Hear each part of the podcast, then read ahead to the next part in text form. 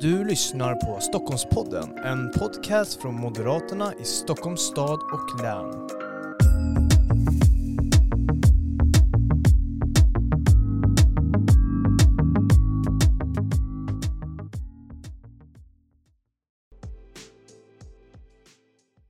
Ja, varmt välkomna till ännu ett avsnitt av Stockholmspodden. Det här är programmet där vi fördjupar oss i sakpolitik, diskuterar aktuella frågor och bjuder in våra främsta företrädare från lokal, regional och nationell nivå. Och idag ska vi prata om något väldigt aktuellt här i Stockholmsregionen, nämligen det ideologiarbete som har gjorts på länsnivån. Och eh, med oss idag har vi Adam Reuterskiöld, Tackar, tackar. kommunstyrelsens ordförande på Ekerö, men Ja. även har du också lett den här ideologigruppen, Ja. arbetsgruppen. Ja. Och Maria Stocka som också ingått i den här gruppen och Ja. även är riksdagsledamot från Stockholms län. Stämmer det. Varmt välkommen hit. Tack, Tack så mycket. Hur känns det att vara med i, i Stockholmspodden? Är ni vana vid att podda eller? Förväntansfullt. Eh, Jag, jag är lite van vid eh, lokalradion hemma på, i kommunen på Ekerö, i Ekerö kommun. Men, eh, så att det, borde vara, det ska bli spännande. Kul. Mm. Det är premiärpoddande för mig faktiskt. Har pratat i radio absolut men, men inte spelat in podd förut. Ja men det här är ju nästan lite som radio, eller det låter ju Mm. nästan lite som så i våra hörlurar i alla fall. Men det, men det ska nog gå bra ändå tror jag. Eh, men som sagt, ni har ju tagit fram det här ideologiarbetet i, i Stockholms län. Jag tänkte så här, vi ska först berätta lite vad det är egentligen. Så Adam, nu har ni ju tagit fram någonting, men vad är det ni har tagit fram? Ja, vad är det vi har tagit fram? Vi har ju fått ett uppdrag ifrån Länsförbundet och det grundar sig väl också på att man även på nationell nivå har ett ideologiarbete eller idéprogramsarbete. och jag tror att det är i grunden för att det var ganska länge sedan vi jobbade med ideologi och idéutveckling. Eh, så att jag tror att det är en- vilja och ett behov i partiet generellt sett att, att återknyta lite grann till, eh, till vad är det vi i grunden är till för? vad är våra grundvärderingar i partiet? Eh, så att jag tror att på nationell plan så har man ju idégruppen som leds av Kristoffer Fjellner. Och eh, jag tror att vi i länet ville vi ha en, en grupp eh, som eh, utvecklade motsvarande eller gjorde ut- motsvarande arbete men, men kanske har lite andra aspekter och lite andra vinklar på det. Vi är ju ändå lite olika ehm, både i de olika kommunerna men även i olika regioner och, och vi kan ha olika ståndpunkter. Till syvende och sist så, så får vi naturligtvis bearbeta det så att vi får ihop någonting som är enhetligt för hela landet. Men vi fick ett uppdrag och eh, en grupp eh, på sex personer som, som skulle utarbeta en, eh, ett, ett underlag för att, en vidare diskussion. Mm. Det har vi just eh, slutfört genom en, ett beslut i Länsförbundet. Mm.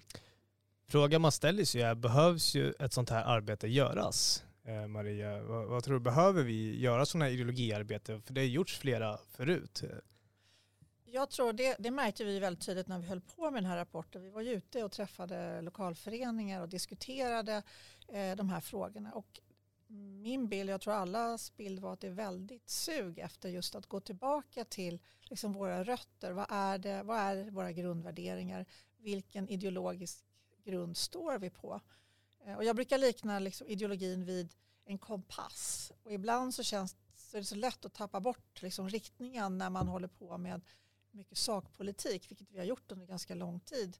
Eh, jag tror att det, det var väldigt tydligt att det, här, de här, det fanns ett behov av att ha de här diskussionerna och inte minst när vi nu står, det är dels att ha med det här i sitt praktiska arbete för att ta fram eh, våra egna valplattformar i olika föreningar och, och kommuner. Eh, men också att, att liksom ett, ett ha med sig det i, i arbetet lokalt hela tiden. Att vad, vad är det för samhälle vi vill bygga egentligen? Och det är det många efterfrågar tror jag. Och, och jag, jag är jätteglad för att vi fick chansen att ta, ha det här uppdraget och möjligheten att prata med, med föreningar. Mm. Tänker jag Adam, ni har gjort det här arbetet nu, eh, men vilka utgångspunkter har ni haft? Är det bara att börja prata ideologi eller hu- hur, hur går det till när man gör ett sånt här ideologiarbete? Ja, vi utgick ifrån den ganska generella och, och öppna frågan som Länsförbundet hade, eh, ställde och, och det uppdraget vi fick. Och det var att utarbeta ett, eh, en ideologisk grund för Stockholms län. Eh, så att det var en rätt öppet, eh, öppet mandat. Eh, vad vi ville var ju väl att, att skapa både en, en debatt och ett underlag för oss att skriva. För det här ska ju inte bara vara våran produkt, de som har varit med och skrivit, utan det här är en produkt för hela hela länet och att alla ska känna sig delaktiga. Så vi har varit ganska måna om att försöka gå ut och ha diskussioner i de olika moderata föreningarna ute i länet. Och det har varit väldigt spännande faktiskt och det är lite som Maria säger att det, det har varit ett sug. Det har varit väldigt populärt att, att prata ideologi och gå tillbaka till, till grundläggande värderingar istället för att prata eh, sakfrågor och, och om vi ska bygga ett dagis där eller en, en skola där eller, eller om vi ska höja eller sänka skatten så, så går vi tillbaka. Vad är, vilket samhälle vill vi ha? Det blir lite mer visionärt också. Det, det har, eh, jag tycker att det har varit rätt bra. Så att vi utgick egentligen från det öppna uppdraget och sen så har vi varit måna om att, att eh, många ska få tycka till och många ska få vara med i diskussionerna. Sen har vi egentligen varit eh, katalysatorer, alltså försökt att katalysera, eh, komprimera alla de åsikter och idéer som har kommit då, i någon form av dokument som vi har nu kommit fram till. Mm. Varför kan man inte applicera det här på flera olika län? För att jag menar vi alla är ju moderater här i, i Sverige. Eh, men du, du pratade lite innan att, man inte, att det skiljer sig kanske mellan regionerna. Skulle du kunna utveckla det? Jag tror traditionellt sett så har vi ju sett att olika län och olika delar inom Moderaterna har lite olika värderingar. Det beror väl på vilka, som, vilka invånare, vilken väljarbas man har. Så det har varit en, en, en skillnad i, i, en del sakpolitik och, och, en del värderingar mellan till exempel staden och länet eller mellan, mellan Stockholm och Göteborg eller Stockholm och Skåne till exempel. Så det finns vissa skillnader i vilka värderingar man har. De grundläggande värderingarna är naturligtvis eh, frihet och, och, och, jämlikhet och liksom sådana här saker som är eh, generella för alla. Men tyngdpunkten och, och, hur vi ska förhålla oss till de här kan vara lite olika. Mm. Ni har ju tagit fram nu i er rapport flera olika ideologiska ståndpunkter. Ni pratar om äganderätten bland annat. Eh, jag tänkte att vi ska gå in lite mer på själva rapporten som ni har skrivit nu och eh, nästan ta steg för steg i era ståndpunkter och på något sätt försöka diskutera vart ni har landat någonstans. För det är ju inte jättelätt när man pratar ideologi. Det blir ju lätt visionärt som du nämnde lite innan Adam. Så jag tänkte att här kanske vi kan försöka konkretisera allting. Om vi kan det. Jag vet, det, det är lite svårt med ideologi. Men vi, vi, får försöka att göra det så enkelt som möjligt eh, för lyssnarna. Men jag tänker att vi då börjar med äganderätten. Eh, I Stockholmsregionen så är det någonting som man hör nästan hela tiden när man pratar med våra moderater. Det är ju äganderätten. Äganderätten måste försvaras. Eh, hur har ni eh, reflekterat i, i det här arbetet gällande äganderätten, Maria? Ja, men det, det är ju en grund i, alltså det, det, det är alla människors rätt att liksom äga sin bostad och värna det man äger. Eh, och eh, där det finns, där det faktiskt finns hot mot, inte minst när det gäller mark och hur man hanterar mark och där människor känner att deras alltså den trygghet man har och den individuella frihet man har faktiskt inskränks rätt så ordentligt. Och det står i strid med vår ideologi kring individens frihet och möjlighet att, att göra det man vill eh, om man inte skadar andra. Eh, så att just utifrån Stockholms perspektiv skulle jag säga just det här med äganderätten är oerhört viktig i och med att det är så mycket konkurrens och eh, eh diskussioner om att inskränka människors rätt att göra det man vill med det man faktiskt äger. Och det handlar framför allt om just markfrågan skulle jag säga i vårt, eh, i vårt län. Mm. varför bör vi, vi värna äganderätten, Adam, tycker du? Ja, dels för att det är en av FNs mänskliga rättigheter. Alltså det glömmer vi lätt bort i debatten. Ibland blir debatten eh, eh, handlar om rikedom och, och, och skillnader och sådär. Men, men äganderätten är lika stark oberoende om du har äger mycket eller lite. Och, och, det är en mänsklig rättighet som är fundamental. Och här skiljer det sig olika partier och olika ideologiska ståndpunkter väldigt mycket åt. En, en socialistisk eller en kommunistisk tanke är ju att, att eh, det privata ägandet inte ska få förekomma. Och det trodde man ju var passé, men vi har ju sett de senaste dagarna här att det är faktiskt inte passé. Det finns faktiskt människor som tycker att, att alla ska, ska äga allting tillsammans och ingenting är, är en enskild egendom. Och som aktivt jobbar mot FNs mänskliga rättigheter. Så att jag tycker att det är en, en oerhört viktig eh, byggsten i vår moraliska kompass eh, och vår, vår, vår ideologiska ståndpunkt. Mm. Um, som vi inte nog kan, på, på, eh, inte nog kan jobba för. Och, och det är också om inte vi gör det, vem skulle göra det? Det är en mycket bra fråga och uh, den, uh, den, den, den, ska vi ta med oss när vi väl är ute på fältet sen efter corona. Om vi inte kämpar för äganderätten, då kanske, eller då kommer ingen annan göra det. Mm. Eh, men vad, vad, skulle de största hoten mot äganderätten vara i, i det moderna Sverige då, eh, Maria? För vi har ju sett, eller kan man, kan man se någon, någon hot i, i det moderna Sverige? Alltså jag, jag tycker just om man tittar på och det är ju någonting som vi, som vi har jobbat mycket med från moderat håll i riksdagen, både individuellt och som parti. Det, det handlar ju om möjligheter att förfoga över den mark man faktiskt äger. Och ute på landet så pratar man mycket om eh, skog och möjligheter för skogsägare. Men i Stockholm så är väl det, det finns ju skog här också, men, men den stora frågan är väl eh, framförallt strandskydd och andra riksintressen och annat som gör att man faktiskt inte får Eh, Eh, bygga som man vill utan det är rätt begränsat kring hur möjligheter att, eh, att bygga på sin egen mark. Eh, och, och ur det perspektivet så är den här frågan väldigt, väldigt viktig för stockholmarna. Mm. Adam, vi har ju här i Stockholmsregionen pratat om att vi ska bli den främsta tillväxtregionen i Europa redan i våras i kampanjen Omstart Stockholm som alla KSO skrev under. Och jag tänkte bara, hänger äganderätten ihop någonting med med individens utveckling och tillväxt? Det, det, tycker jag absolut och äganderätten är ju en, en fundamental del också av, av det fria företagandet och, och, grunden för att eh, bygga upp ett, ett, eh, ett stabilt och tryggt samhälle det är ju eh, det fria företagandet och äganderätten är starkt förknippat med att driva företag och, och kunna utveckla, kunna vara säker på att de investeringar man gör kan man liksom behålla i framtiden och, och kan bygga på. Eh, så att det är starkt förknippat med det och, även när det gäller exploatering och utveckling, inte minst i Stockholmsregionen, eh, så är det ju naturligtvis en väldigt viktig avvägning mellan eh, det allmännas intressen och den enskildas eh, förfogande över sin egen egendom. Och det är ju många företagare som, som ju naturligtvis bygger det på en, en, en lokal eller ett, ett, ett ägande i, i grunden. Så att säga en byggnad eller mark eh, att, att driva sin verksamhet från. Så det, det, tycker jag är starkt kopplat. Mm. Jag tänker att vi, vi ska lämna äganderätten och gå över till valfrihet och frihet. För det är någonting, de är väl nära besläktade kan man väl säga. Eller, eller vad, vad säger du Maria?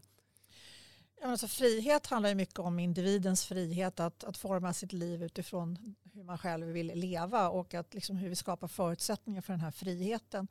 Och då blir ju de här våra valfrihetssystem och det som, som vi har slagits för under många, många år som moderater, att människor ska få välja vilken läkare man går till, man ska få välja vilken skola ens barn går i eh, och så vidare, är ju en viktig del för att man, man ska kunna välja själv och eh, känna att man har det handlar ju om att känna att man har kontroll och makt över sitt eget liv, inte vara i händerna på byråkrater och tjänstemän som puttar en hit och dit eller Eh, och politiker som för den del ritar små streck på kartan och bestämmer var barnen ska gå i skolan. Så de här två är väldigt eh, förknippade med varandra. De här, våra valfrihetssystem och individens möjligheter att påverka hur ens liv ska vara och utvecklas. Det är eh, fundamentalt skulle jag säga. Och jag trodde väl aldrig, jag jobbade med skolfrågor länge tidigare, att, man, att vi skulle behöva liksom slåss för människors rätt att välja skola. Men, men där är vi just nu. att att eh, Socialdemokraterna med flera försöker vrida tillbaka det här. Och, och eh,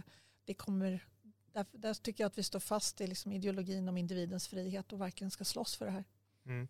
Och det, där, det där kanske är också en, en eh, när, vi, när vi växte upp, då fick man välja vilken skola man ville, bara man valde den som kommunen sa åt en. Och, och det är klart att det var ju ingen valfrihet överhuvudtaget och, och de små eh, speciala skolor som fanns levde en tynande tillvaro.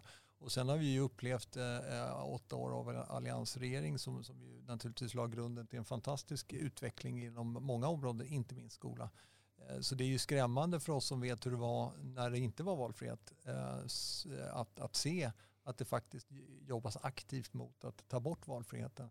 Och det tror jag, jag tror att nästa val kommer att bli mer och mer ideologiskt eh, eh konfliktytor och jag tror att det är bra tror att vi ska vara ideologiska i konfliktytorna och säga att stå upp för valfriheten och stå för um, det system som vi, vi, vi byggde upp under, under tidigare regeringar. Mm. I er, i er rapport pratar ni ju dels om det individuella friheten, det offentliga friheten och även om, om friheten för företagande. Eh, skulle ni kunna utveckla det lite Maria? Så individens frihet har vi pratat eh, ganska mycket om och jag tycker, alltså, om man ska ta tillbaka till vår ideologiska grund, så nu pratar man i svensk politik mycket om ett konservativt block.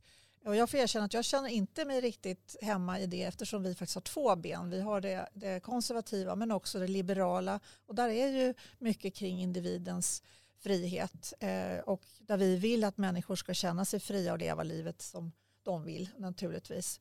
Eh, när det gäller att den, liksom, företagens frihet så är det samma sak där. Att det handlar om att kunna få bygga upp eh, och känna sig trygg med att man har vettiga förutsättningar så att man kan eh, utnyttja den, sina idéer till att skapa sig ett, ett företag och även bygga upp en trygg, ekonomisk trygghet för sin familj. Det är jätteviktigt.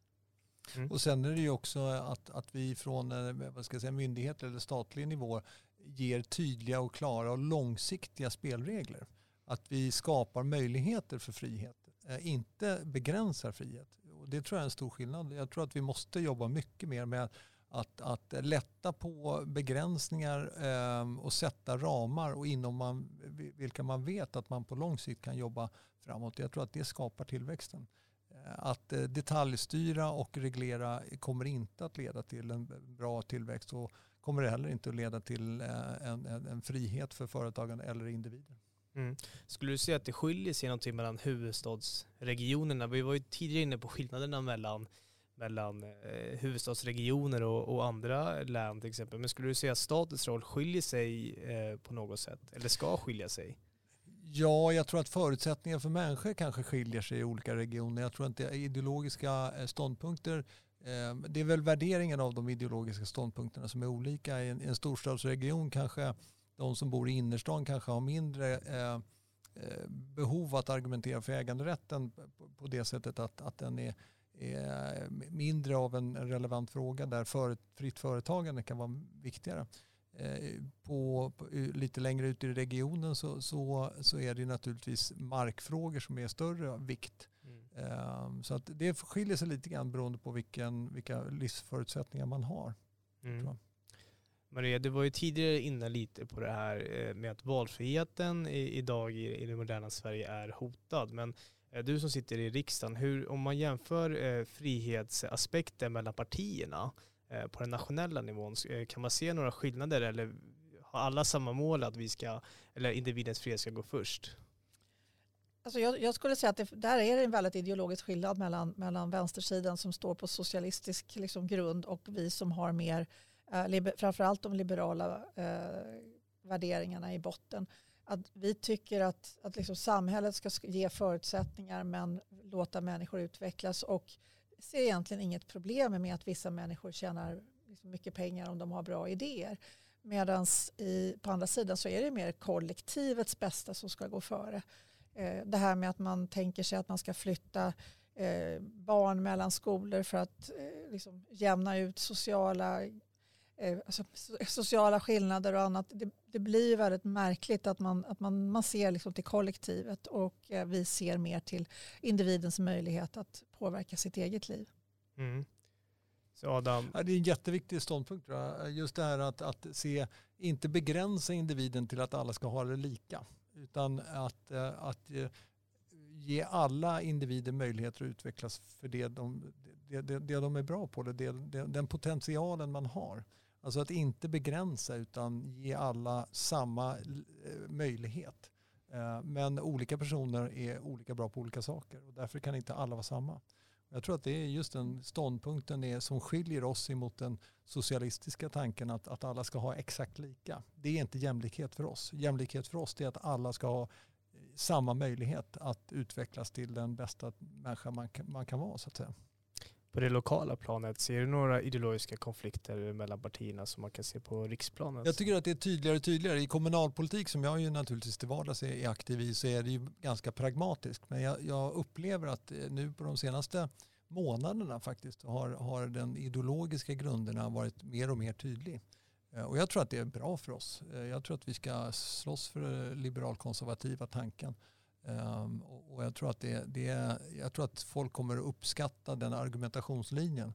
Och jag tror också att, att man diskuterar ideologi i kombination med sakfrågor istället för, för ehm, ehm, vad ska jag säga, kritisera den andra och, och försöka vara taktisk och sådär. Utan vara tydlig med vad, vad är det vi står för. Mm. På det nationella planet har man ju tagit fram det, eller den, också en idéskrift som heter Frihet och ansvar. Eh, frihet för ju med sig ansvar hävdar ju många. Vad är era tankar kring det, Maria?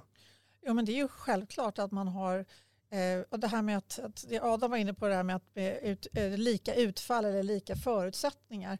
Och där vi har, vår linje är ju att man ger människor bra förutsättningar. Att vi ser till att det finns möjligheter att, att oavsett det som Ulf brukar säga, det är, inte så, det är inte viktigt var du kommer ifrån utan vi ska hjälpa dig att och liksom nå dit mm. du vill. Mm. Eh, och det är ju lite grann eh, det som är, är liksom viktigt att vi får, får till bra förutsättningar så att eh, människor kan utnyttja.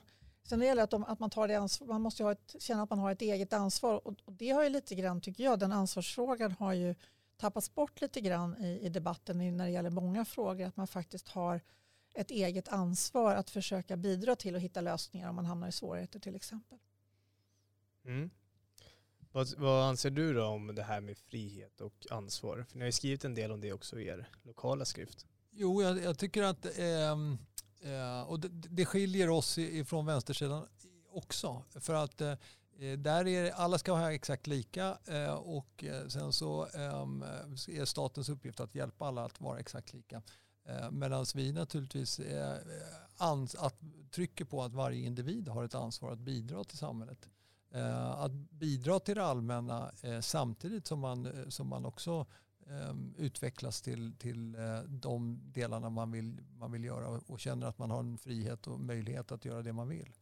Men man måste alltid också se till att, att uh, ha en möjlighet att ta ansvar för de som har sämre möjligheter eller behöver mer hjälp. Så, att, så det är självklart att vi är ju inte... Uh, vi, på, på, samma sätt som vi är för individens frihet så måste vi också vara ett, ett om, om, ha omtanke om de som har sämre möjligheter och ge dem de bästa möjligheterna.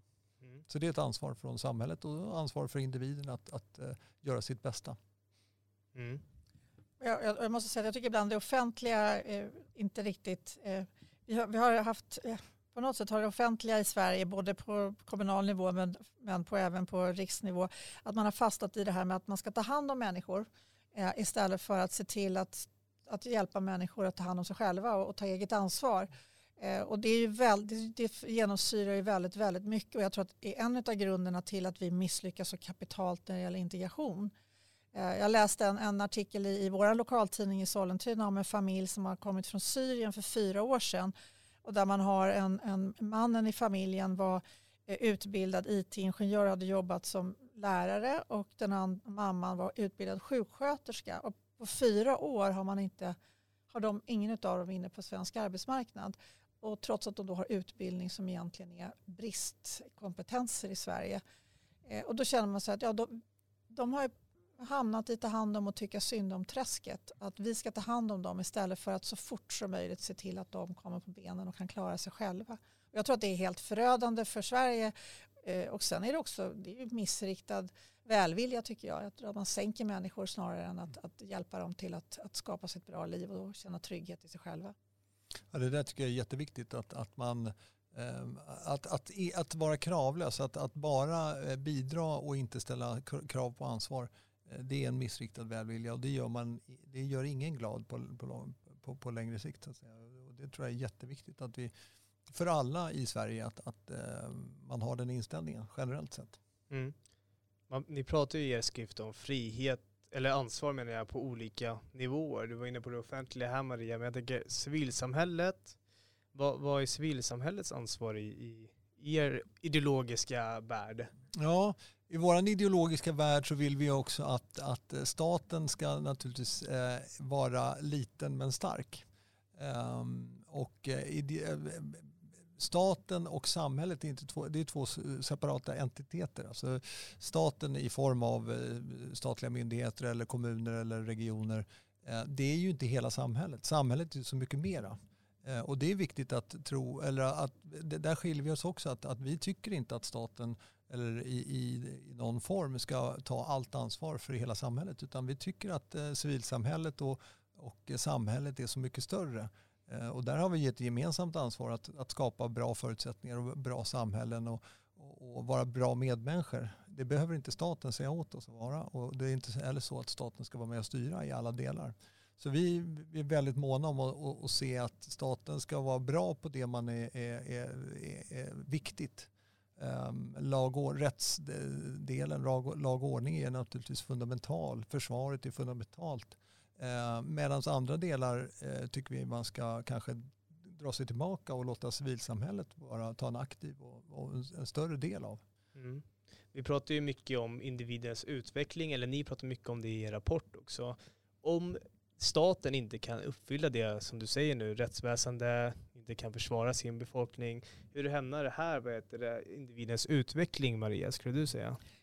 Men det är ju, om man inte har liksom en grundtrygghet som person så är det ju väldigt svårt. Att, att, att ska man utvecklas så måste man våga ta risker och eh, ska man göra det så måste man någonstans känna att man har en, en grundtrygghet och när man inte känner att polisen funkar, att man, man är otrygg i sitt eh, bostadsområde, orolig för att det ska hända barnen någonting, då kommer ju det vara det som man lägger all sin energi på att försöka skydda och eh, skapa den här grundtryggheten där samhället har fallerat istället för att fundera på alltså, vad, behö- vad, vad, kan jag göra för att utvecklas, vad vill jag göra av mitt liv? Utan då, då blir det tillbaka till liksom att, att skapa sig en grundtrygghet som egentligen samhället borde eh, vara garanten för. Så att, och där, där finns det mycket att göra för att människor ska känna sig trygga i Sverige idag.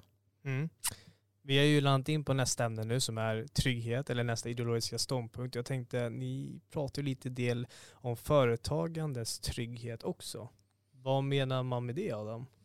Jag återvänder väl lite grann till eh, just tryggheten i att veta vad som gäller. Eh, men också lag och ordning. Alltså det är många företagare som, som kontinuerligt och, och dagligen utsätts för, för brott på ett sätt som vi inte har sett tidigare. Så jag tror att den här grunden är egentligen lag och ordning eh, som i det, i det läget vi är i nu.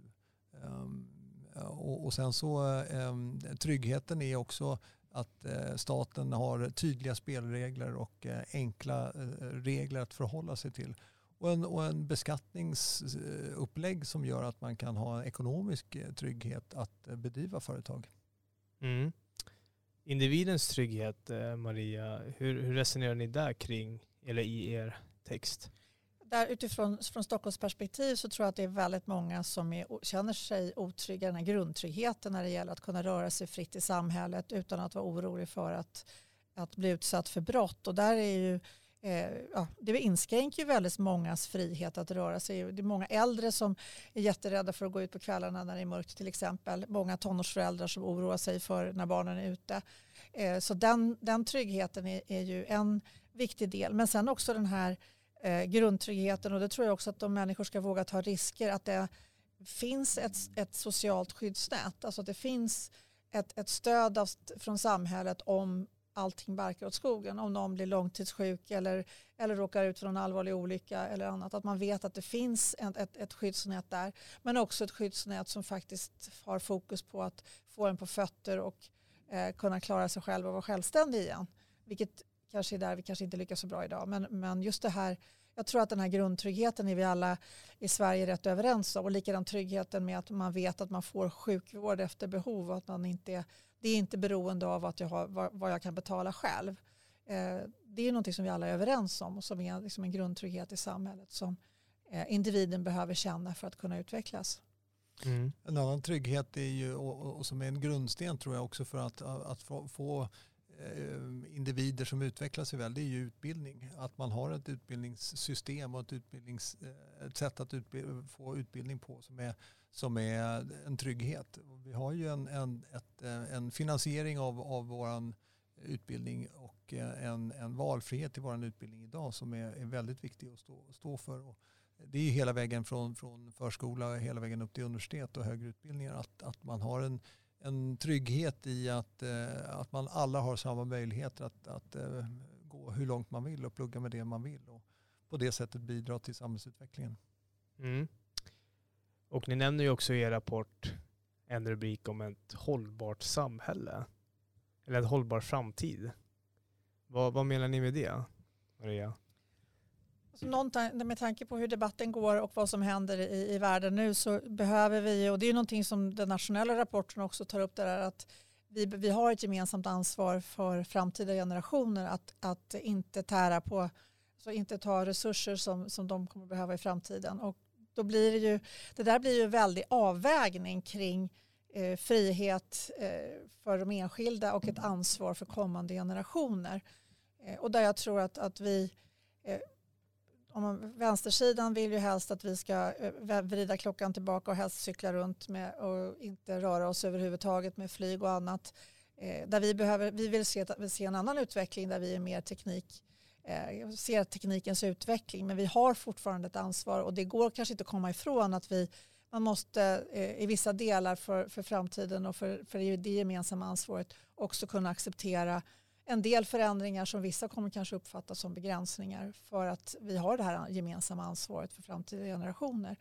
Eh, men som sagt, där tror jag att vi har en helt annan syn på utvecklingen än vad eh, till exempel Miljöpartiet, Vänsterpartiet, Socialdemokraterna har. Mm. Tänkte Adam också ställa frågan om målet med en hållbar framtid, om det inkräktar på individens frihet på något sätt? Jag tycker att man får se den frågan i, i, i längre perspektiv. Um, jag, jag, tycker att en, en bra, bra hållpunkt är väl att, att eh, eller ett mål, målsättning för, för i många, på många plan i samhället, det är att lämna över vårt samhälle till våra barn på ett bättre sätt än vad det var när vi fick det. Eh, och tänker man på det sättet så är det ju hållbarheten kan sätta begränsningar i vad man själv vill men å andra sidan så tänker man på nästa generation och nästa generation så ger man ju dem friheter att, att göra saker som, som man kanske begränsar om man inte eh, tar tillvara de sakerna som man måste prioritera idag. Så att, eh, jag tycker hållbarheten över generationer är en frihetsfråga också. Mm. Vi ska alldeles strax ta avsluta det här avsnittet. Men jag tänkte Redan? Först, ja, kan sitta och prata hur länge som helst. Ja men du vet Adam, det här är inte sista gången vi kommer prata ideologi oh, heller i... Vilken tur. Jag blev lite orolig där. Men... Ja men jag såg att du nästan fick en hjärtattack ja, här ja, i, i studion. Ja, ja. men du lever fortfarande, det är tur det i alla fall. men, jag, men jag tänkte att ni ska få varsin 30 sekunder och sammanfatta på något sätt, beskriva vad, vad den här rapporten är för er då, då utifrån liksom er själva. Det kanske skiljer sig. Det, det här är lite ett intressant eh, test eh, som jag gör on the fly här. Mm. Eh, så jag tänkte att vi, vi först börjar med, med dig Maria. 30 sekunder, eh, ideologirapporten i Stockholms län. Vad betyder den för dig? Eh, för mig betyder den en stor chans att diskutera liksom, grunden för vår politik eh, med eh, andra engagerade moderater och det har varit jättekul och värdefullt. Eh, och sen som sagt, jag kommer tillbaka till det här med den här ideologiska kompassen. Vad är det för samhälle vi vill ha? Den, den här målbilden eh, tycker jag att vi försöker måla upp i den här rapporten och den är viktig att liksom ha med sig och komma tillbaka till när man fastnar i sakpolitik. Mm. Det var nästan 30 sekunder, men du hade fem sekunder kvar, men, men eh, det är okej. Vi, vi lämnar över ordet till Adam Reuterskiöld. Det blir mycket svårare för mig eftersom ja. du har ju Maria Men jag tänkte det också, hur, hur, ofta håller sig politiker inom tid? Ja, det ja. Men det, det, är ju bra här, ni får ju träna på att hålla er inom tidsspannet då. Men jag brukar alltid vara i tid. Ja, det, bruk, det är faktiskt sant Adam, du ja. brukar alltid vara i tid. Ja, Så får vi se om du, om du klarar att hålla dig till 30 sekunder här. Beskriva ideologiarbetet vad betyder det för dig? För mig har det varit en fantastisk chans att eh, gå tillbaka lite grann till varför jag engagerar mig i politiken. Vad är det liksom i grundförutsättningarna som, som gör att jag vill vara med och ändra? Och det är lite som Maria säger, en vision, att lyfta blicken lite grann, att inte fastna för mycket i detaljfrågor. Att politik är inte att, att eh, ha svar på eh, morgondagens eh, fråga omedelbart utan att man har en vision om nästa år, nästa generation. Eh, sen har det också varit eh, en möjlighet att, att få diskutera det här. Jag tror att det är viktigt för oss som parti att, eh, att lyfta de här frågorna så att man känner att ja, men det är det här som vi vill. Det är det här vi står, det är det här vi kan enas om. Ehm, tryggheten, ansvaret, ehm, äganderätten, valfriheten. Det är det vi måste stå upp för. Och att vi fortsätter att hålla de här frågorna i, i färskt minne när vi utarbetar våra politiska valplattformar det kommer att bli jättespännande tror jag. Jag tror att det här kommer också vara en viktig del av nästa valrörelse. Mm. Suveränt. Jag, jag, ska vara ärlig och säga att jag, jag tappade räkningen där. Men, ja, det men var det, faktiskt 29 sekunder. 29 sekunder. men med det sagt så sätter vi nu punkt för den här podden. Stort tack till dig som lyssnade och eh, jag hoppas att du är med oss i nästa avsnitt. Stort tack. Hej!